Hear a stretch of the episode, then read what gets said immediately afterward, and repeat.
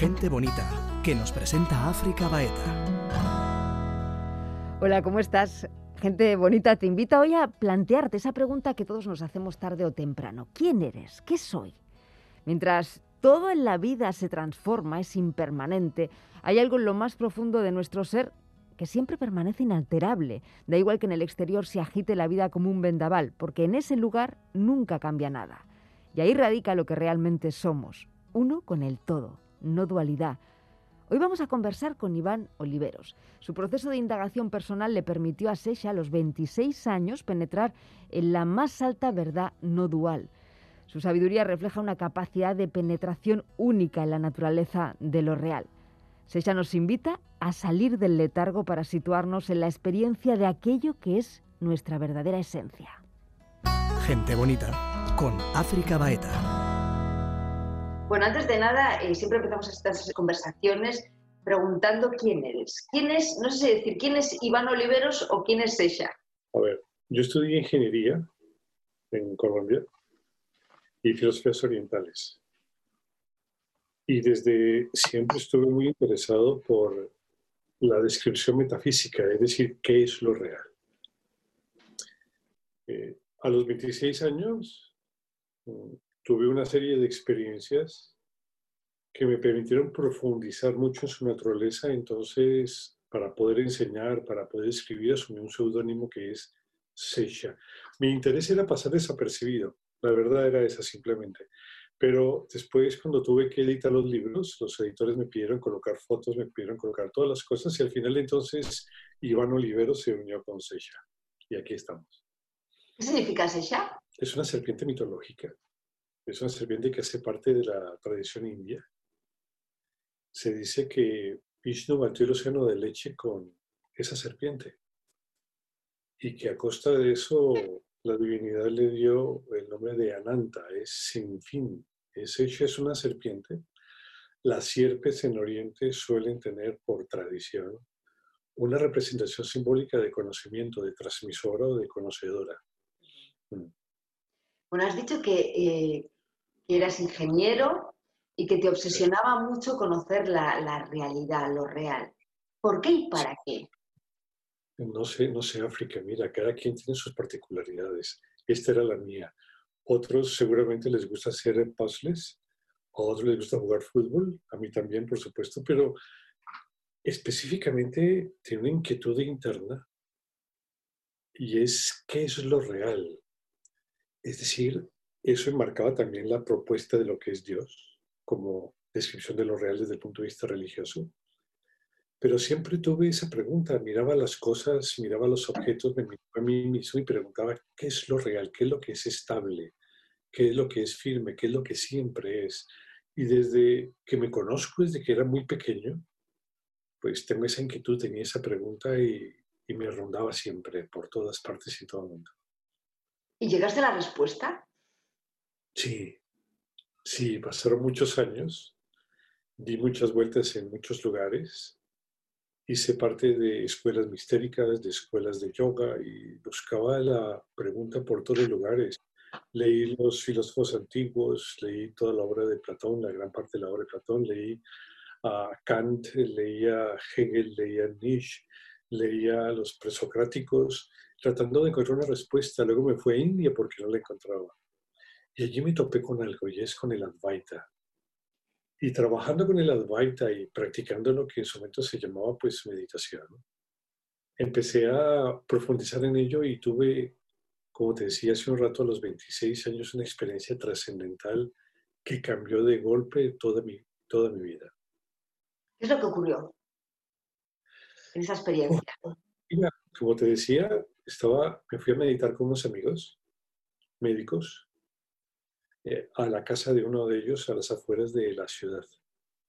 Tiene una vista preciosa, un lago, un embalse de Tomine, así se llama. Y estando allí, pues eh, ellos hacían su muy peculiar forma de práctica. Yo la verdad que no coincidía con ellos, pero eran tan buenas personas que los acompañaba y pues intentábamos compartir lo que se podía. Es así que en ese instante, sin saber cómo y por qué África, todo mi mundo interior se puso oscuro, es decir, como si hubiesen apagado la luz. se desconectaron los sentidos totalmente, el tacto, la vista, olfato, gusto se desconectó y quedé sumido en una especie de, de vacuidad absoluta como la boca de un lobo, una cueva totalmente oscura. Me sorprendió muchísimo porque no es una cosa que se repitiese. Y ahí que entonces, en el fondo de la pantalla oscura, vi una pequeña mancha roja que se acercaba a toda velocidad, como aquello que se acercaba en la película esta del quinto elemento, que se acercaba a un sol que en teoría iba a tragarse la Tierra, pues esto era una mancha roja que venía a muy alta velocidad. Y cuando estaba muy cerca y estaba de gran tamaño en el mundo interior, pues me dio mucho miedo. Y tuve que tomar una decisión. Abrir los ojos o dejar que eso chocase contra mí.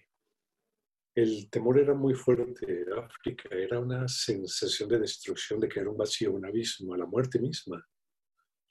Y en ese instante tomé la determinación de seguir adelante. Pasados unos pequeños momentos, unos segundos, eso chocó contra mí, contra mi pecho. El pecho explotó en mil pedazos y fui convertido en cada fracción del universo. Es decir, eh, de lo poco que puedo encontrar nombres para narrarte lo que ocurrió es que pasaban galaxias y galaxias y neos de galaxias y la conciencia integraba todas las cosas en un insondable mar de infinitud de bienaventuranza. Era lo que había sido, lo que será. Veía universos por doquier que habían sido, que serán. Veía amaneceres en lugares inimaginables, atardeceres, todo tipo de criaturas viviendo. Era todo lo que podía ser y existir. Y esa experiencia fue tan intensa, tan profunda, que cambió de raíz, de cuajo, la naturaleza de mi mente. Mi mente nunca pudo volver a tener ciertas cualidades y facultades que tenía antes. Y me arrojó entonces a una forma de vida diferente, a tratar de enseñar esto. Y lo que más se, más acompasaba con este tipo de experiencias, África, era la descripción de la no dualidad a través de la Advaita, que justamente era alguna de las que yo había estudiado y leído. Y ahí empezó pues un cambio de vida que me llevó a transformar lo que hacía, renunciar a las tareas que tenía y adoptar una especie de trabajo de viajero por todas partes intentando enseñar esto. Pero ¿cómo fue? Quiero decir, te, te escucho contar esa experiencia trascendental, Sí. pero ¿qué, ¿cuál es esa información que te llegó para que de repente rompieras completamente con tu vida, ¿no? Mira, ¿Cuál fue el Pues, mensaje? después de esta experiencia, eh, mi mente no pudo nunca más tener miedo. Nunca. Nunca más fui, fui, fui atrapado por la tristeza o la angustia. Nunca más ha llegado eso a mi mente. La sensación era la identidad, la integración de todas las cosas. Es decir, que todo existe, que la conciencia es la base fundamental y es el espacio en donde todas las cosas se mueven, hasta el espacio mismo. Que existe algo trascendente que está más allá de la mente humana y que esa conciencia encierra la mente y todo aquello que ésta es capaz de percibir. Es un estado de integración absoluto, total.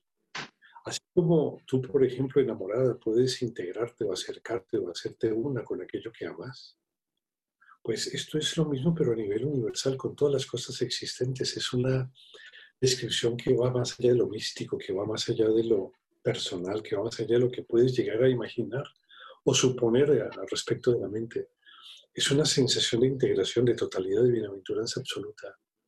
Eso fue lo que se experimentó así. ¿Qué es la conciencia? La conciencia es como un mar. Tú puedes plantear, por ejemplo, lo que es un mar de energía. Te voy a explicar primero qué es la energía. La energía es un mar que al estar en movimiento puede detectarse de muchas maneras, puede medirse su flujo, su ambiente, sus, sus olas, sus ondas. Eh, la energía está por doquier y conforma y transforma, se transforma en materia y con ella en objetos. Eh, la conciencia, imagínate que es una sustancia que se parece a la energía, pero que en vez de canalizar el movimiento, canaliza el saber, canaliza el conocimiento. Entonces es una energía, como la propia energía, que está en todas partes, que está en todos los lugares, Y al igual que la energía adopta condiciones, por ejemplo, como energía potencial, energía cinética, energía eléctrica, energía química, pues la conciencia puede adoptar condiciones como la sustancia de un yo, la sustancia de un yo colectivo, la sustancia de un individuo, de un sujeto o de un grupo de sujetos, y describir desde la perspectiva en la que ellos experimentan la vida y la realidad, porque produce saber. Es un universo de saber, es un mar de saber, que es ininterrumpido, es sin límites como la energía lo es. Eso es la conciencia. Y lo que provee la conciencia es saber y saber que soy. Y de esa energía, tú has dicho que surgen las formas. Me imagino que de esa energía eh, salen los seres humanos. Corrígeme si me confundo, como parte de esa conciencia. Sí, aparece la conciencia del ser humano en grupo, la conciencia del ser humano individual, la conciencia del ser humano como su brazo, como su historia, como su pasado. Todas esas formas se las permite la sustancia de la conciencia que se adapta a la condición de innumerables aparentes formas como lo hace la energía con respecto a ese flujo ininterrumpido de movimiento que hay en el universo. ¿Y quiénes somos? Somos eso. Eso somos, eso somos. Esto es lo, esto es lo simpático. ¿Dónde está el truco de que hay una continuidad y lo que aparezca es una individualidad? ¿Dónde está ese truco? Entonces, claro, el problema básico África reside en que el que quiere saber eso no es la causa del saber, sino es su consecuencia. Es decir, tú no le puedes pedir a la sombra que tenga ojos, porque la sombra es un reflejo de un cuerpo que está atravesado por el sol. Y ahí entonces que muchas veces la pregunta, lo que debe plantearse es, ¿quién soy cuando tú eres capaz de retirar el sentido protagónico en la pregunta? Entonces, ¿quién eres tú cuando no eres tú la que te da cuenta que eres alguien?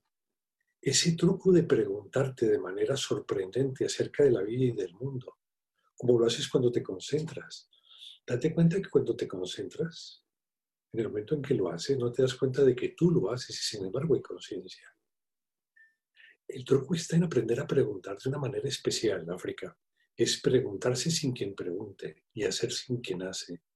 Cuando desde esta condición eres capaz de funcionar, entonces las respuestas devienen. Y la condición de conocimiento y de la conciencia y del mar que está atrás de todas las cosas, entonces se hace percibible, se hace entendible la manera en que él sabe y conoce. Es como, es como cuando amas. Cuando amas no sabes qué puede pasar. Y sin embargo te lanzas de lleno porque la experiencia vale cualquier circunstancia.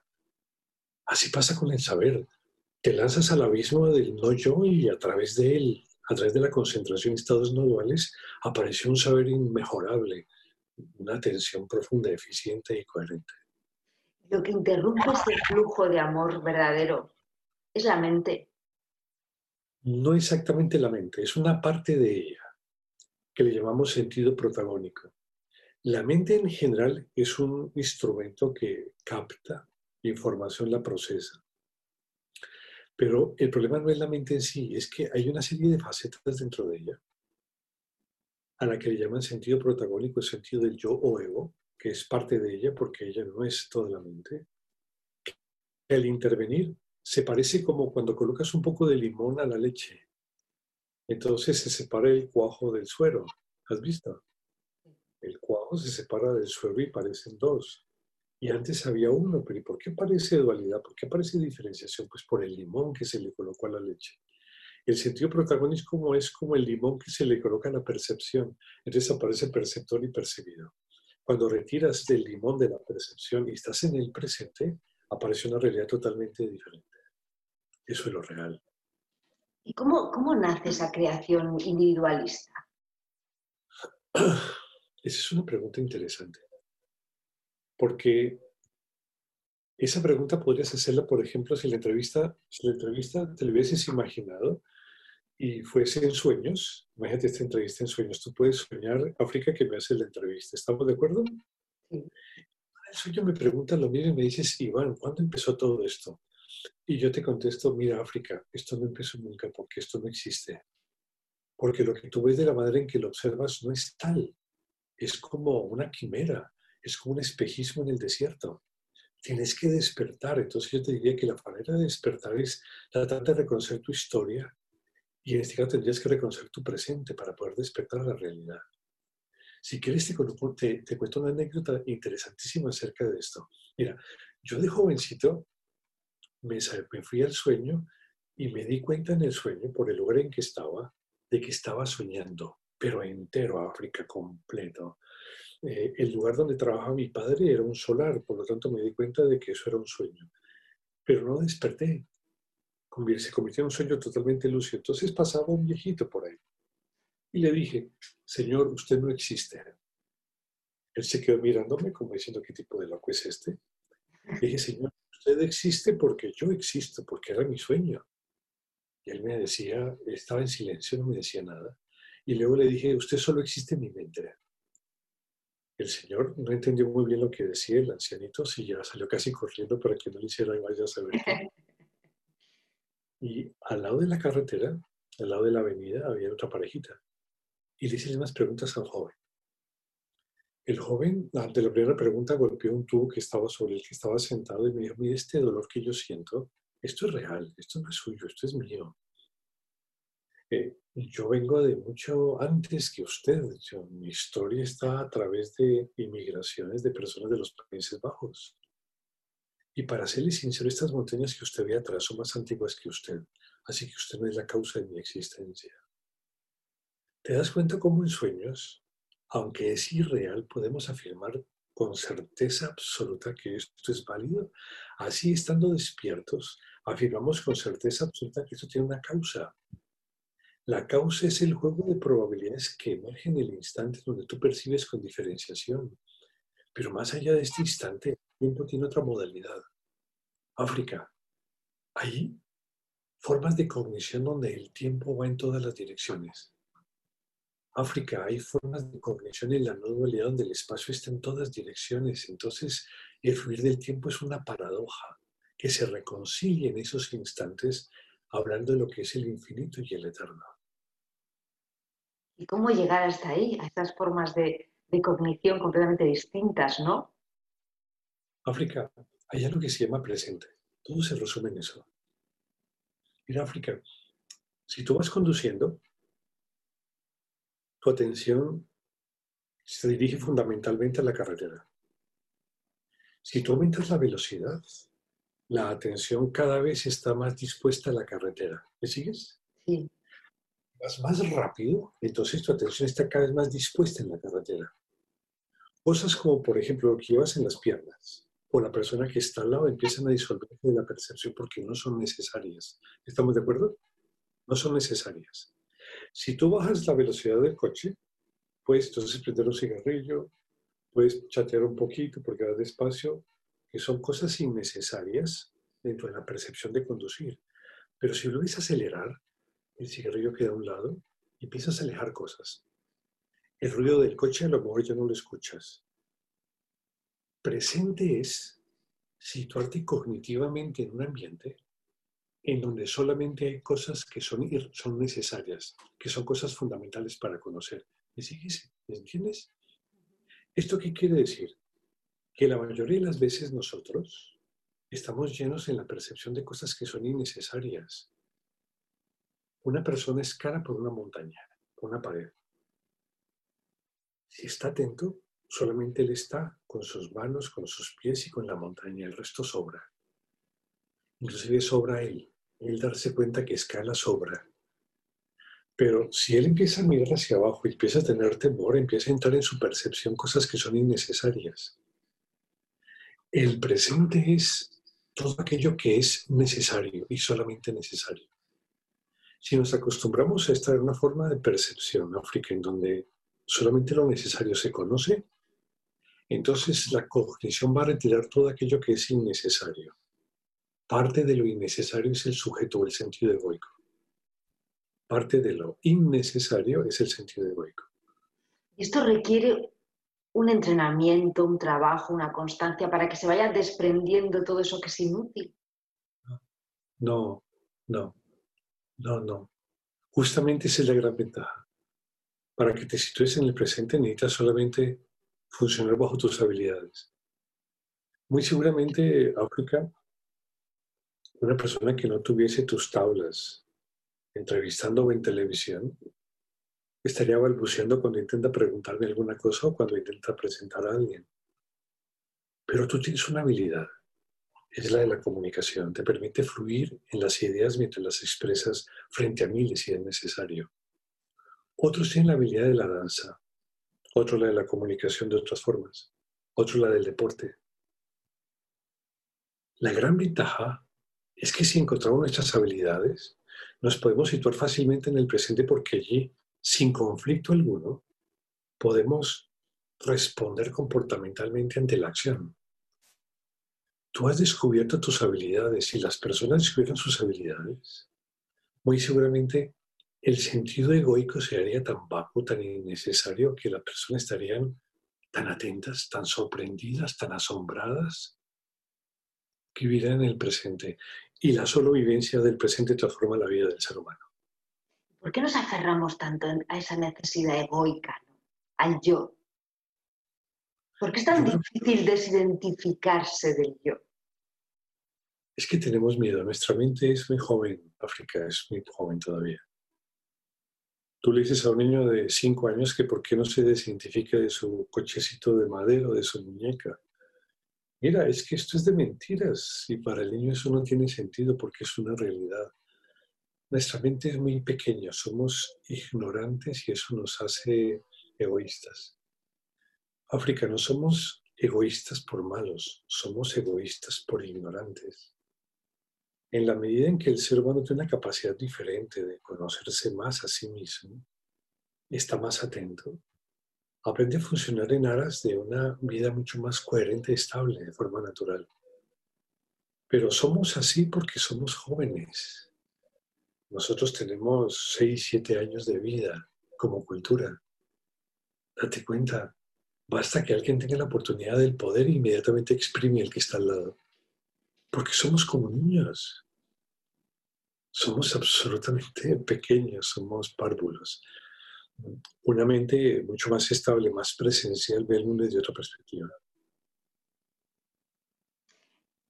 Me gustaría para la gente que, pueda escuchar esta conversación que, eh, que definieras claramente lo que es dualidad de lo que es no dualidad. Vale. Cuando, por ejemplo, tú conoces un objeto cualquiera, en este caso me ves a mí y yo te veo a ti. Si tú estuvieses nerviosa, me verías completamente diferente de ti, me verías allá a distancia, viendo como nuevo, viendo el tono de voz, si hablo fuerte, si no hablo fuerte, estarías muy atenta a muchas cosas. Pero claramente establecerías que entre tu percepción una zona se llama África. Eso se llama dualidad. Hay una zona de percepción que es diferente de ti. Hay otra segunda forma de percepción. Es cuando África está absolutamente absorta en lo que estoy diciendo.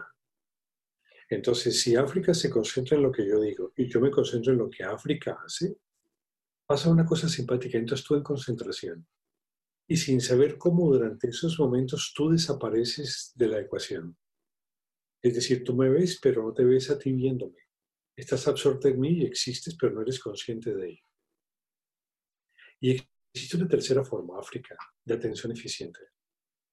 Es aquella en donde tú estás como ebria y estás en mí y aparte estás en ti. Y es como una gota que cae al agua sus fronteras se diluyen. Ya no eres gota, pero tampoco eres mar, pero eres gota, pero estás con el mar. Coexistes simultáneamente. Como cuando estás un poco ebria y eres tú y un poco el ambiente. Esa ebriedad cognitiva e interior hace que tú estés en todas partes de la percepción. Cuando tú estás en todas partes de la percepción, no en una o aislado de ella, eso se llama no dualidad. Vivimos constantemente limitados por nuestra capacidad de ver a través de la mente y de los pensamientos. Mira, tu análisis es, es interesante, pero no es correcto. Te voy a decir por qué. El problema no es la memoria. El problema es el sentido protagónico asociado a la memoria. Tú puedes ver a la persona que quieres y hacerte no diferente o concentrarte en ella, porque la historia, la memoria te lo permite. El problema no es la memoria, ni siquiera el problema es procesar la información, no es el intelecto. El problema es el sentido protagónico. Basta que de la mente, basta que del pensar deshagas el sentido protagónico como información tóxica que no es requerida en el presente para que la percepción cambie. Entonces, no tienes que matar la mente, ni matar los pensamientos, ni dejar de pensar, porque esa no es la idea. Lo que tienes que hacer básicamente es retirar el sentido protagónico de esa información tóxica y que genera el sentido de diferenciación. Es como el limón en la cognición. ¿Y cómo lo retiras con la sorpresa? Porque el amor te sorprende, el amor te asombra, el amor es nuevo, el amor es un juego, porque el amor te lleva a hacer cosas nuevas. Entonces, de esa manera y de esa forma puedes percibir a la otra persona desde un ámbito diferente. Pero no tienes que dejar de pensar. ¿Cómo abandonas ese protagonismo? Cuando, cuando tú lees un libro, ¿qué, ¿qué, tipo de literatura te gusta a ti, por ejemplo? ¿Qué tipo de literatura lees? A mí me gusta mucho la filosofía. Tú coges un libro de filosofía, por ejemplo, a Krishnamurti, que te debe gustar seguro. Me encanta. Pues te debe gustar Krishnamurti, vale. Entonces coges un libro y tomas un libro de Krishnamurti y empiezas a leerlo. ¿Qué hace que te concentres y que el sentido protagónico se vaya, se disuelva? ¿Qué hace? Claro, cuando tienes la atención plena, ¿no? O sea, atención, estás embobada en la lectura, ¿no? ¿Qué esfuerzo te costó hacer eso? Te olvidas de ti, completamente, sí. Ah, ya voy. ¿Y por qué te olvidas de ti? Porque tú, por habilidad, gustas del pensamiento y de lo metafísico. Entonces, como gustas es una habilidad natural tuya. Como es una habilidad natural, no te esfuerzas en realizarla. El hecho de reaccionar en función de tus habilidades, África, te lleva a poder funcionar sin sentido protagónico, porque no requieres de hacer esfuerzo en la acción ni reaccionar con esfuerzo ante ella. ¿Ves? Pero si en cambio a ti te ponen, por ejemplo, a jugar ping-pong, no sabes jugar ping-pong, o te ponen a jugar billar y no sabes jugar billar, y estás tensa porque si no ganas, entonces vas a perder, no sé, el coche o vaya a ser que otra cosa, quedas mal o haces celoso, entonces cualquier movimiento es un suplicio y cualquier momento está asociado siempre a un yo tóxico que dice, no puedo, sí puedo, quiero, necesito. El truco está en descubrir tus habilidades. Tú has descubierto la habilidad de la filosofía, has descubierto la habilidad muy seguramente de la comunicación, has descubierto la habilidad de la sensibilidad. Estás buscando muchas cosas y ellas solo se encuentran a través de lo que eres en esencia. ¿Qué es lo que eres en esencia? Eres tus habilidades, descúbrelas y funciona a través de ellas. Esto te permite estar en el presente. ¿Qué pasa con el mundo emocional, el mundo corporal? Por ejemplo, cuando ella se enfrenta a una situación que emocionalmente le afecta, ¿cómo se enfrenta a esa situación? ¿Cómo lo gestiona? En mi mundo yo no sé sufrir. Mi mundo de sufrimiento es cuando se te duerme una pierna, que no sabes cómo moverla, ni hacer fuerza en algún lugar para moverla. En mi mundo no existe el sufrimiento a través de ese tipo de cosas. No sé sufrir. Eh, antes de que siquiera pueda aparecer la sensación de sufrimiento, de agobio, me doy cuenta de ello y al darme cuenta desaparece. Es decir, para que pueda sufrir tiene que haber tal cercanía que no permito que eso se dé es como, es como el agua que no soporta al sol porque se evapora. Y ahí entonces que mi mundo me es imposible deleitarme en el sufrimiento y en el dolor porque en el mismo instante en que lo detecto en mí, él desaparece, como si lo alumbraras con una linterna o una sombra. Si buscas una sombra que se acerca y la, y la, y la iluminas con una linterna, ella desaparece inmediatamente. Eso es lo que me pasa. Entonces, ahí es un mundo donde no puedo ayudarte demasiado porque no tengo mucha experiencia. ¿Pero qué es el sufrimiento para ti? La ignorancia. Ser ignorante es la razón del sufrimiento. No saber qué eres, no saber qué quieres, no saber la meta en tu vida, no saber por qué haces las cosas, no saber tus límites, no saber decir no, no saber decir sí, no saber por qué haces las cosas, eso es ignorancia. Parece muy sencillo, ¿eh? pero luego siempre aparecen las vocecitas por aquí que interrumpen el proceso. aparecen los pensamientos. Yo creo, y aparece el observador mirando a los pensamientos. Quiero decir que yo estoy haciendo una buena obra y estoy volcada en esa buena obra, por ejemplo, y siempre aparece la vocecilla que quiere protagonismo, ¿no? Y que te dice, qué bien lo estás haciendo. Eso, eso es un exquisito control que tienes de tu mente. Ese África es el exquisito control que tienes de tus emociones. Como tienes el exquisito control, entonces es muy sutil la aparición del yo. Pero aparece, sutil o no sutil aparece. Aparece, pero ¿qué haces? Lo observas y punto. Porque yo creo que cuanto más lo niegas, más crece. Si lo niegas, simplemente lo que hace es ocultarlo cada vez más, oscurecerlo cada vez más y irte más detrás de la barrera. La pregunta es, ¿qué tan nosotros somos todos los días? ¿Qué tan nosotros podemos ser sin necesidad del miedo de vivir en una zona de confort? ¿Qué pasa si pudiéramos vivir sin defendernos? ¿Qué harías tú si vivieras sin defenderte?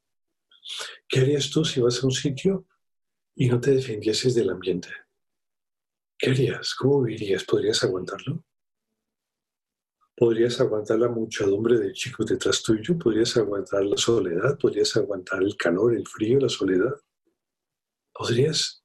¿Qué harías tú si estuvieras sin necesidad de protegerte psicológicamente? ¿Qué harías? ¿Dónde estarías? ¿Dónde estaría tu mente? Como es imposible porque el ser humano no puede lograrlo excepto cuando es pequeño, cuando es niño. Entonces nos hablamos de todo tipo de defensas, África.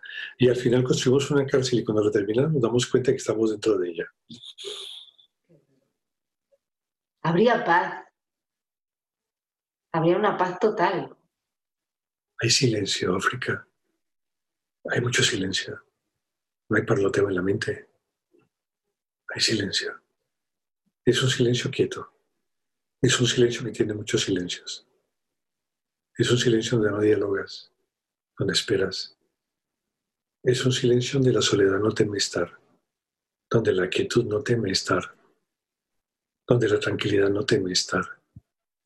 Es un silencio sin límites. No sabes si lo oyes o él te oye a ti. Eso es lo que queda, África, cuando se hace esto de esta manera. Qué bueno, y cuánta, cuánta humildad. Humildad verdadera, ¿eh? Humildad de la esencia, para llegar a ese punto, ¿no? Porque nos han enseñado, ¿no? En esta sociedad que siempre tenemos que tender a algo, ¿no? Y en ese silencio no hay un algo al que tender, simplemente estar, ser. Ese silencio que te deja vivir o que te lleva a morir. Y sea lo que sea, lo aceptas. Pero tienes que atravesar un vacío, ¿no? Para poder llegar allá, generalmente toca atravesar un abismo inmenso, que es la pérdida del yo psicológico. Y esa pérdida del yo psicológico generalmente aterroriza a la persona. Y te lleva a retroceder en ese desierto muchas veces. Sí, bien la respiración.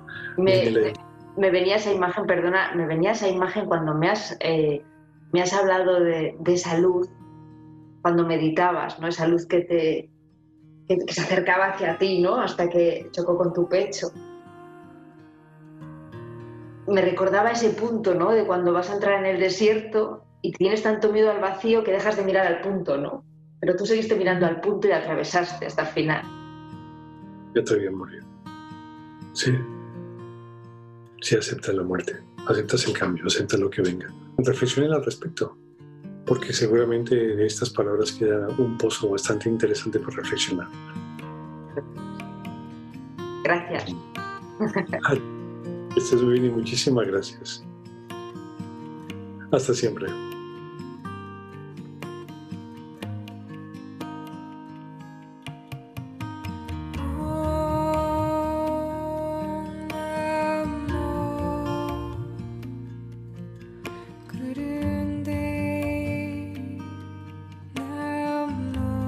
Quieres ver la entrevista completa en vídeo, puedes encontrarla en nuestro canal de YouTube Gente Bonita. Y si deseas indagar sobre otros temas, te invito a navegar en ITV Podcast y en los servidores agregados. Agur.